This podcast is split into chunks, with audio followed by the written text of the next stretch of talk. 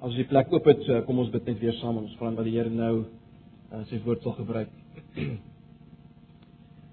ja, Here Jesus, ons kom nou weer na U met groot verwagting, verwagting dat U self die woord sal oopbreek deur die werking van die Gees wat hier is, juis as gevolg van die opstanding. En ons wil vra dat U maar net hierdie woord sal gebruik om ons te bring tot aanbidding van U. Dis waarvan ons gemaak is En dis waarin ons grootste vreugde lê. Kom doen dit, Here.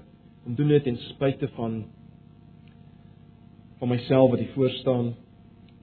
Ten spyte van al die gebrokenheid hier voor my. Kom doen dit ter wille van die naam en die eer. Ter wille van dit wat U in ons plek gedoen het. Asseblief. Ons vra dit in Jesus se naam. Amen. Goed, Matteus 28, ons gaan die eerste 10 verse lees en dan gaan ons weer van vers 16 tot 20 lees. Matteus 28. Ek lees maar die 83 vertaling. Na die Sabbatdag, toe dit die Sondagmôre begin lig word het, het Maria Magdalena en die ander Maria na die graf gaan kyk. Skielik was daar 'n geweldige aardbewing. 'n Engel van die Here het van die hemel af gekom, na die graf toe gegaan, die klip weggerol en daarop gaan sit. Sy voorkoms was so blink soos weerlig en sy klere so wit soos sneeu. Van skrik vir hom met die wagte gebewe en soos dooies geword. Toe sê die engel vir die vroue: "Julle moenie bang wees nie. Ek weet julle soek Jesus wat gekruisig is. Hy is nie hier nie, want hy is uit die dood opgewek soos hy gesê het. Kom nader en kyk, daar is die plek waar hy gelê het. Gaan nou en sê vir sy uh, vir sy disippels, hy is uit die dood opgewek. En hy gaan julle vooruit na Galilea toe. Daar sal julle hom sien." Dit is wat ek vir julle moes sê. Hulle het toe haastig van die graf af weggegaan, bang maar baie bly en hulle het gehardloop om dit aan die disippels te vertel. Skielik het Jesus daar voor die vroue gestaan en hulle gegroet. Hulle het nader gekom, sy voete gegryp en hom aanbid. Toe sê Jesus vir hulle: Moenie bang wees nie. Gaan sê vir my broers. Hulle moet na Galilea toe gaan en daar sal hulle my sien. Kom ons lees net van vers 16 af. Die elf disippels het na Galilea toe gegaan, na die berg waarheen Jesus hulle beveel het om te gaan. Toe hom sien het hulle hom aanbid, hoewel party getwyfel het. Jesus kom toe nader en sê vir hulle: "Aan my is alle mag gegee in die hemel en op die aarde. Gaan dan na al die nasies toe en maak die mense my disippels, doop hulle in die naam van die Vader en die Seun en die Heilige Gees en leer hulle om alles te onderhou wat ek julle beveel het. En onthou, ek is by julle al die dae tot die volëinding van die wêreld. en dan moet maar verskoon ek het so 'n tipe van 'n verkoue soos 'n deurslaan gee maar my maar. Hoekom voel ek en jy goed as ons na 'n mooi toneel op 'n poskaart kyk? Of hoekom voel ons sleg? Of sommige van ons, hoekom voel ons sleg as ons uh, ons sterre soos die soos die blou bulle uh verloor. Wel broers en susters, ek dink deel van die antwoord is ten minste dit dat dat die essensie van ons menswees is 'n uh, aptyd vir skoonheid,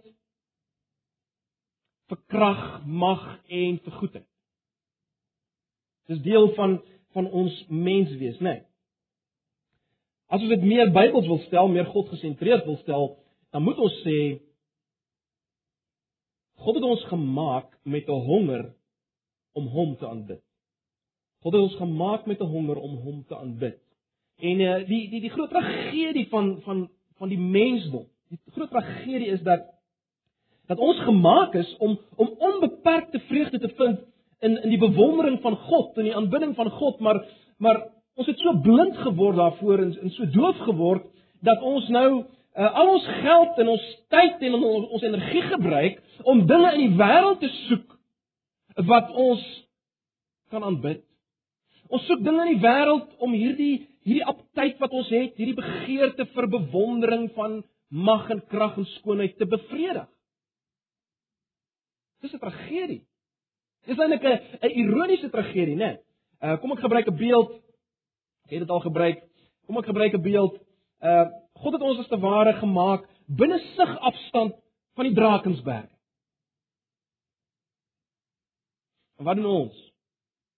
Ons trek die gordyntjies van ons chalet toe en ons draai om en ons gaan kyk na swart en wit fotos van die Magaliesberg hier agter die moot. Dis wat ons doen. Broers en susters, ek en jy weet dit werk nie, né? Nee, dit werk nie. Dit werk nie. Al ons plakkate, ons poskaarte, uh al ons sterre, ons vakansies help nie om hierdie hierdie, hierdie honger wat ons het te bevredig nie, né? Nee, dit help vir 'n rukkie dalk om uh uh ons rotteresies meer uh, uh draaglik te maak vir 'n oomblik. Maar dit bevredig nie werklik nie, né? Nee, ons weet. Ons weet. Ons het steeds hierdie aptyt steeds die honger vir iets meer. Dit wat ons kry uit al hierdie dinge kan nie vergelyk word met wat gebeur as ons die venster as te ware oopmaak en iets van die Drakensberg skoonheid, heerlikheid van die opgestane Jesus sien. Dit kan nie vergelyk word daarmee. Ek wil waag om te sê as as my en jou lewe vanoggend redelik plat geval het, leeg is, sonder opwinding is sonder enige oriëntasie is vervullende oriëntasie is is die rede daarvoor dat ons nog nie die opgestane Jesus gesien het vir wie hy is nie. Dis nie dis nie sommige van julle vanoggend sien hom dalk glad nie. Hulle sien hom net nie. En, en dan is dit van ons wat wat so 'n klein prentjie van hom het, so bejammerenswaardige klein prentjie van hom het dat uh, wel Uh ons is honger vir die ware artikel want dit wat ons het is is baie klein en baie sentimenteel. En daarom broers en susters, al wat ek vanoggend wil doen, ek wil as te ware uh julle vat na die venster van God se woord en en ek wil hê ons moet iets sien van uh van die opgestane Jesus, dis al. Ons moet iets sien van die opgestane Jesus, uh, soos hy werklik is, want dan sal ons ons aptyd vir vir die bewondering van skoonheid en mag en goedheid sal sal bevredig word. Ons lewe sal 'n lewe van aanbidding word en van gehoorsaamheid word aan hom as ons iets kan sien van wie hy is. En en dit wat ons kry as ons kyk nou na die laaste hoofstuk van Matteus, kry ons 'n venster, as ek dit so kan stel, wat oopmaak op op op die sonsopkoms heerlikheid van die opgestane Jesus, né? Nee, dis wat ons kry in Matteus se laaste hoofstuk. En wat ons hier sien as ons deur hierdie venster kyk, is is om die beeld verder te vat is, is as te ware drie pieke. Drie pieke in die in die karakter van die opgestane Jesus. Of in die bergreeks van sy karakter is daar drie pieke. Drie pieke.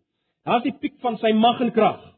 Daar's die piek van sy goedheid of goedhartigheid en daar's die piek van sy doelgerigtheid. En dis wat ek graag vir julle wil wys vanoggend. Ek wil hê ons saam daarna kyk. Want ek het dit nodig, net so net so nodig as julle dit het. Kyk broers en susters, ons almal weet dat uh, ons weet ten diepste dat as dat as ons die opgestane Jesus wil aanbid dan dan moet hy iets hiervan hê van hierdie drie pieke waarvan ek nou gepraat het. Dan moet iets wees van mag en krag. Dan moet iets wees van van goedheid, goedhartigheid of sagtheid as jy wil en dan moet iets wees van doelgerigtheid, né? Nee. Anders kan ons hom nie aanbid nie.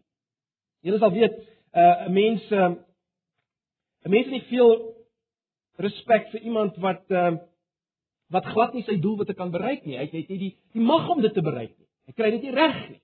Ons ons ons bewonder nie so iemand nie. Ons bewonder nog minder mense wat geen doelwit het. En dan bewonder ons ook nie mense wie se doelwitte 'n soort van selfsugtig is en onvriendelik is nie.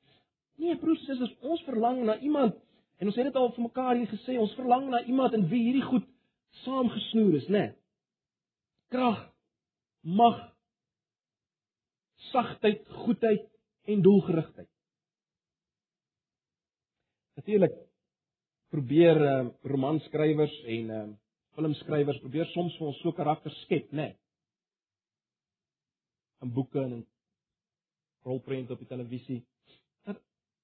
Dit bevredig ook nie, né? Nee. Dis amper soos 'n uh, om te kyk na in die wegtydskrif na na fotos van die Victoria valle. Dit bevredig nie jou eie begeerte om daar te wees nie, né? Nee. Ons moet nie ons moet die ware artikel hê, is dit nie so nie? Ons moet die ware artikel hê, die oorspronklike. Ons moet die oorspronklike van alle mag, alle goedhartigheid en alle doelgerigtheid. Ons moet die oorspronklike daarvan hê.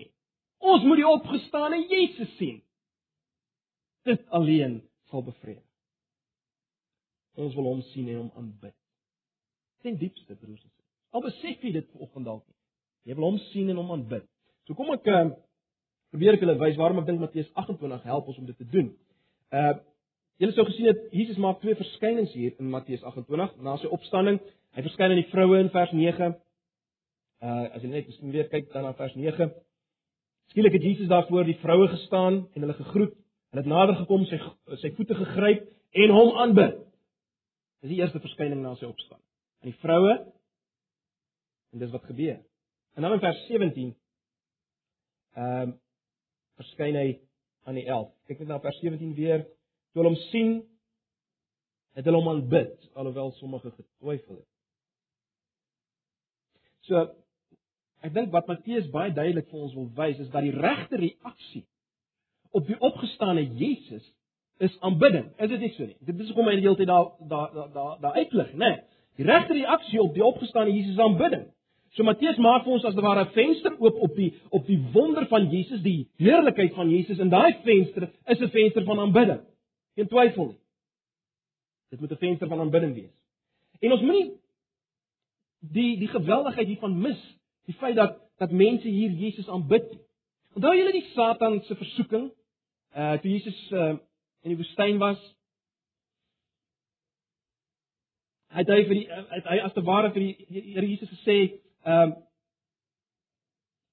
hy het hom versoek net op allerlei maniere. En, en en dan kom die Here Jesus en sê wel ek gaan jou nie aanbid nie. En die Satan sê wel aanbid my net en ek gee vir jou al hierdie koninkryke. En dan sê Jesus nee, jy moet die Here jou God alleen aanbid. Hoor julle dit? Jy moet die Here jou God alleen aanbid, hom dien. En nou is dit fascinerend, hier is mense wat nou Jesus aanbid. En en Jesus stop hulle nie. So wat sê dit vir ons broers en susters? Dit sê vir ons maar net weer, Jesus is God. Hy's die Here God. Hy's die God van die Ou Testament. Hy's Jahwe. Want ek keer hulle nie as hulle hom wil aanbid nie. So, Paas Sondag. Vanoggend is net 'n herbevestiging weer vir ons dit wat ons nou gesien het in ons reeks oor Johannes, naamlik dat Jesus en die Vader is een. Hy is God, hy's waarlik God. Hy's geen skepsel nie. Hy's nie maar net 'n engel nie. Hy's tot in ewigheid en hy moet aanbid word. Hy moet aanbid word. Pas Sondag bevestig dit vir ons, né? Nee. So goed, ons sê vir mekaar Matteus, ek bedoel om 'n venster oop te maak op die heerlikheid van Jesus, opgestaane Jesus. Hy wil hê dit moet 'n venster van aanbidding wees. Maar wat sien ons deur hierdie venster? Nou kom ons terug na ons drie pieke toe. Wel, ons sien in die eerste plek ons sien die piek van sy mag en krag in vers 18, né? Nee. Kyk op vers 18. Jesus sê kom toe nader en sê vir hulle: "Aan my is alle mag gegee in in hemel en op aarde." Ag broers en susters, ek het al baie vir julle gesê ek wens so en ek wens dit vir myself, ek wens dit vir julle dat ons iets kan voel van die mag en die krag van die opgestane Jesus. Dis baie meer krag en mag as wat Barack Obama het en al die ander groot leiers en al die leermagte van die wêreld. Alle mag, alles sê hy. Alle mag op aarde is aan hom gegee. Kom ons dink nou net eers aan op aarde, né? Nee, alle mag op aarde is aan hom gegee.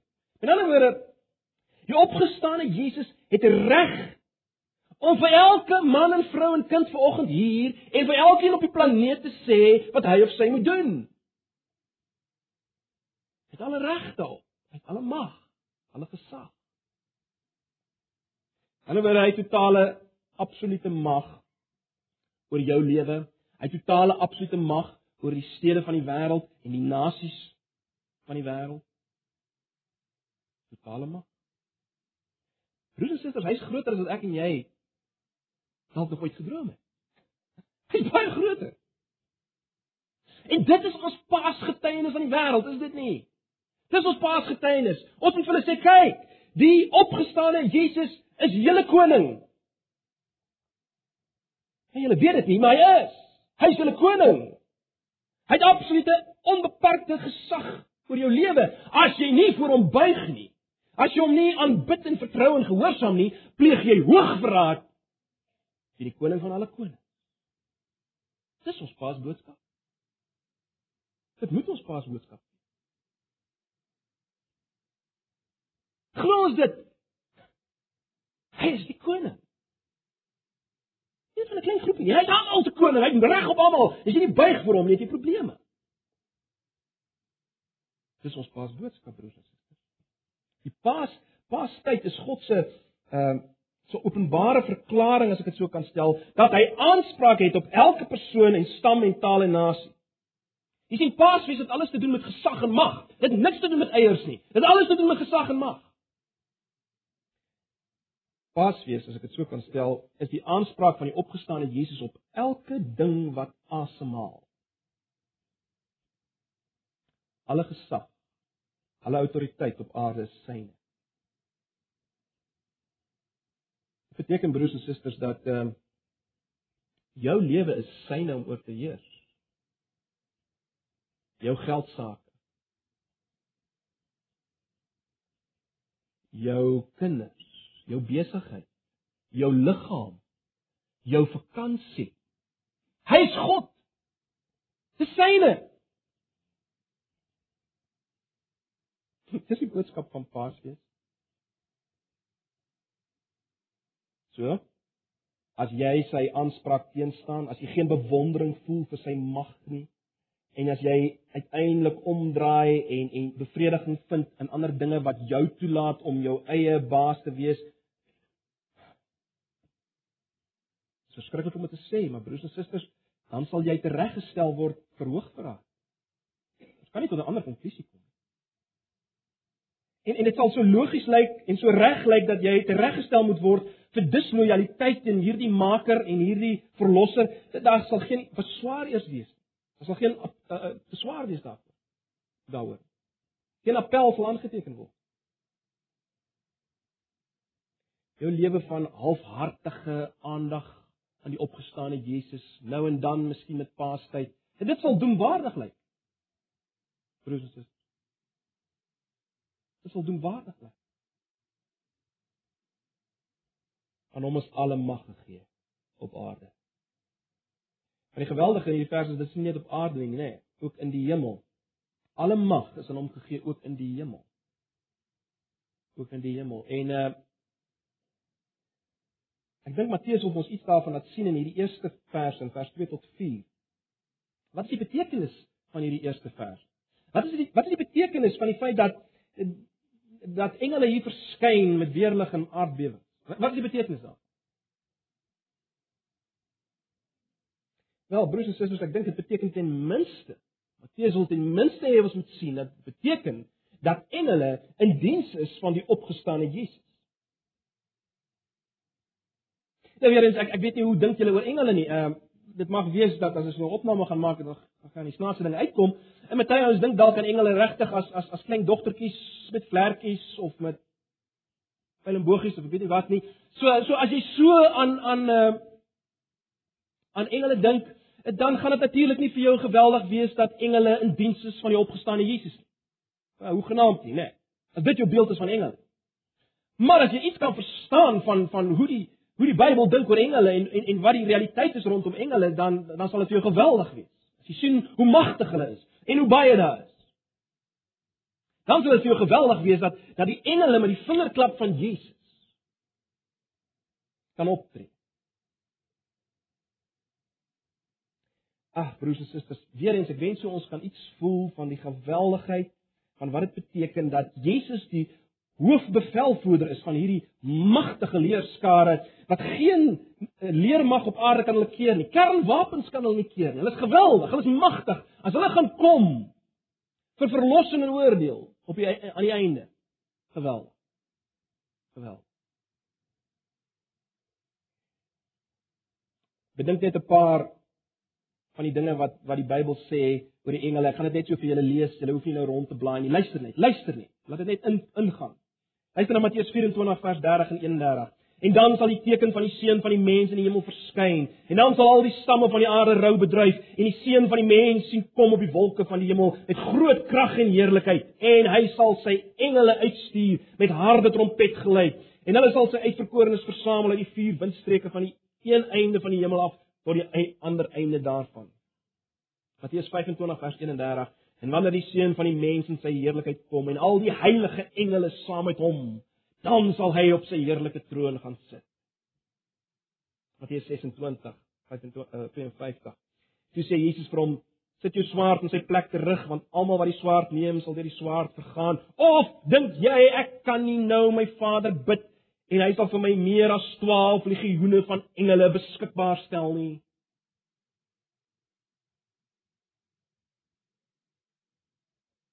Tessalonisense 1 vers 7 en 8 broers en susters praat van van die volgende. Dit praat van die openbaring van die Here Jesus uit die hemel met sy magtige engele in vuur en vlam wanneer hy wraak uitoefen op die wat God nie ken nie en op die wat die evangelie van ons Here Jesus nie gehoorsaam is nie. 1 Petrus 3 vers 22 lees ons Jesus Christus wat heen gegaan het na die hemel en aan die regterhand van God is terwyl engele en magte en kragte aan hom onderwerf is. Dis hoe die Bybel daaroor praat. Ek hoop nie jy dink klein oor engele nie.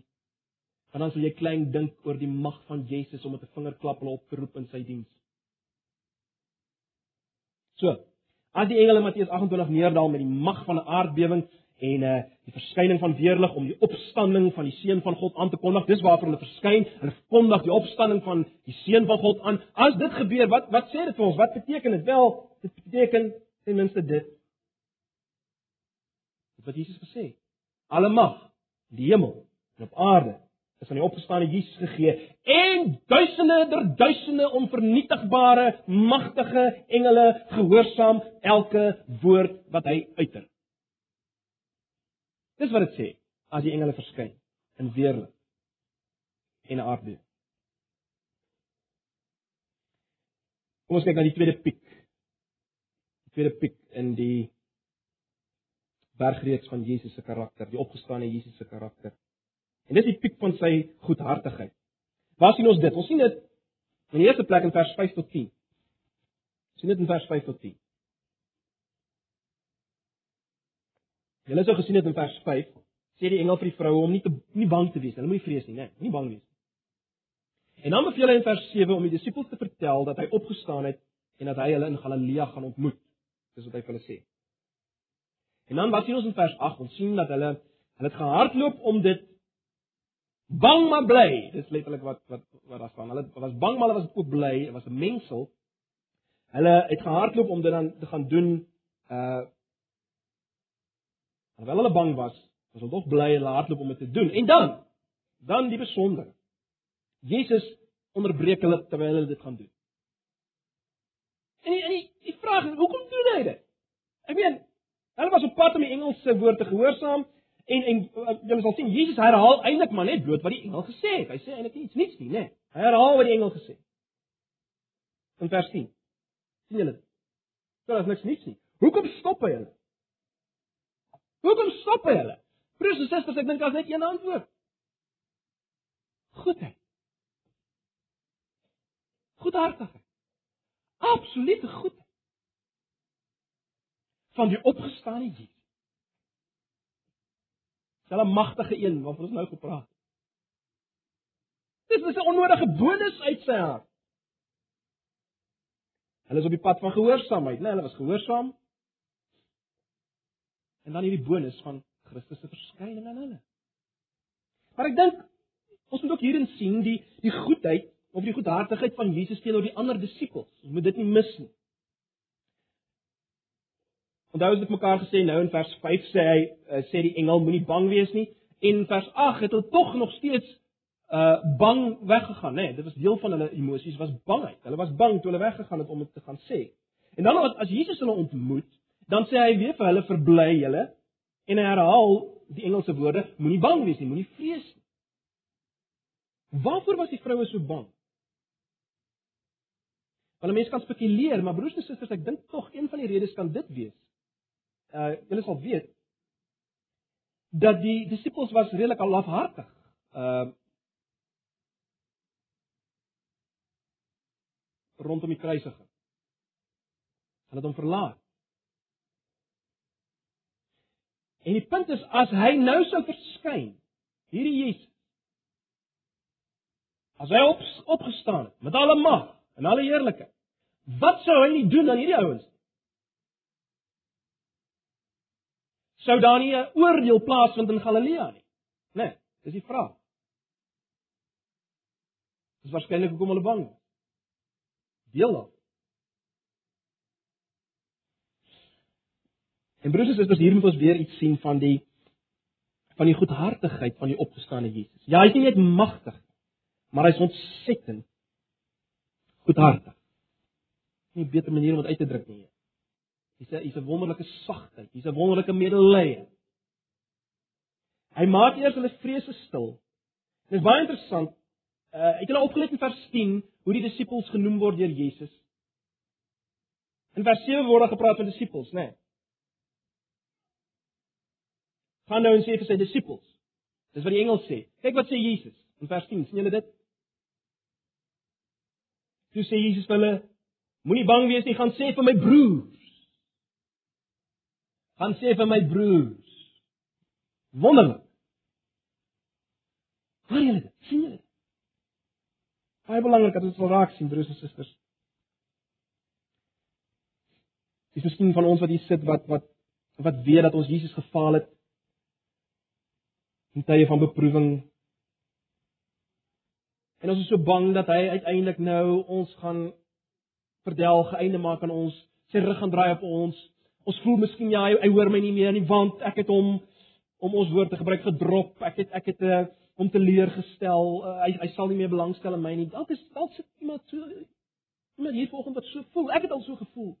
Hy, hy kan nie meer belangstel in my nie. Ek het hom ek het hom eh, verraai. Ek het hom verloon. Ek het hom te nagekom. Miskien voel jy so. Ag broers en susters, neem bemoediging hieruit. Die opgestane Jesus, die magtige een. Wat die mag het om te verdelg verseker steeds die een wat die dowwe lamp het nie uitdoof en die geknakte riet nie breek nie. En dis die een wat by ons is tot aan die einde, né? Nee. Onthou die laaste vers van Matteus 28. Ek is by julle. Ek, die opgestane Jesus wat so is, is by julle tot aan die einde. Laat dit julle vertroos. Dan net die laaste piek. Wat ons sien deur hierdie venster is is sy doelgerigtheid. Sy doelgerigtheid. Ek sê weer ons ons bewonder dikwels nie mense nie omdat hulle hulle kan nie uitvoer dit wat hulle begin het nie, né? Hulle hulle dit lyk asof hulle hulle nie 'n doel het nie en as hulle doel het dan kan hulle nie daai doel uitvoer nie. Dis anders met Jesus. Kyk na vers 19. Gaan dan heen al die nasies toe en maak die mense my disippels, doop hulle in die naam van die Vader en die Seun en die Heilige Gees en leer hulle om alles te onderhou wat ek julle beveel het. En onthou ek is by julle al die dae tot die volëinding van die wêreld. Wel, hierdie verse wys my net vir ons dat die opgestane Jesus broers en susters het 'n doel. Hy weet waarom hy regeer. En die die doel waarvoor hy die kerk toerus met sy teenwoordigheid. Uh is baie duidelik hier, né? Nee. Hy wil hê daar moet mense wees uit elke land, 'n volk, stam en taal en nasie wat hom sal aanbid. Wil hy dan moet disippels wees van elke in elke nasie. En dis mense met ander woorde wat hom gaan aanbid. Oral oor die wêreld. Maak nie saak wat se land, ook in Suid-Afrika. Wil hy dan met mense wees wat hom aanbid. Broers en susters, dis sy doel.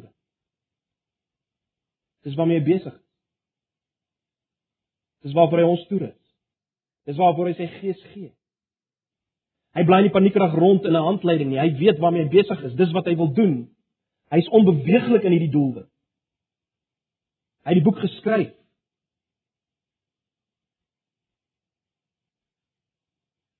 Hy's doelgerig. Ag broers en susters, ons kan nog baie hieroor praat. Al wat ek volgens vir jou wil vra is: Het jy 'n begeerte om so 'n persoon te bewonder en te aanbid nie? Een wat alle mag, alle krag.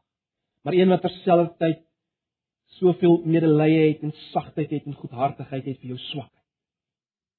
Maar een wat presies weet waarna toe hy op pad. Jy begeer om so iemand aan bid.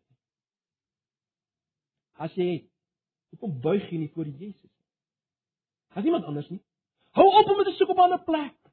Hou op om minderwaardige dinge te aanbid. Kom na hom. Dit laaste gedagte, is nie fascinerend dat uh Matteus Lemle, Matteus 28 se eerste vers dat toe dit lig begin word, die vrou na die graf gegaan. Toe Jesus in die graf was, was dit duisternis. Wat sien ons aan die begin toe God geskep het? Die eerste woorde was, was laat daar lig. Broers en susters, God het 'n volkomme werk gedoen deur die kruis en die opstanding. Hy het 'n nuwe skepping begin. As dit lig word op opstanningsdag, kom daar 'n nuwe werklikheid. Sy koninkryk en waar hy bestaan dit? Hoe lyk sy koninkryk? Mense wat hom aanbid. En net soos God aanbid is aan die begin nadat God lig geskep het in die tuin. Die mense hom aanbid het. Net so wil hy ons moet die opgestane Jesus nou aanbid in die nuwe werklikheid wat aangebreek het. Ag, dis waaroor die lewe gaan. Dis waar die lewe gaan. Dis die werklikheid. Moenie belaglike goed aanbid. Mos die goed op die televisie. Draai jou na hom, begin hom aanbid. Nie jou tyd en energie, jou geld mors om hierdie begeerte wat in jou is te bevredig. Dit sal dit nooit bevredig nie. Kom na die opgestane Jesus. Buig vir hom, gee jou alles vir hom, begin leef vir hom. Begin 'n lewe van aanbidding leef. Dis dis moeite werd. Dis dit gee eer aan die hoogste wese wat daar is en dit sal vir jou jou hoogste vervulling gee. Dis waarvoor jy gemaak is. Ag, mag die Here ons beweeg om dit te doen. Kom ons bid net saam vir ons afskeid met die laaste. Heerlike Here Jesus, dankie vir u self. Dankie vir die opstaan.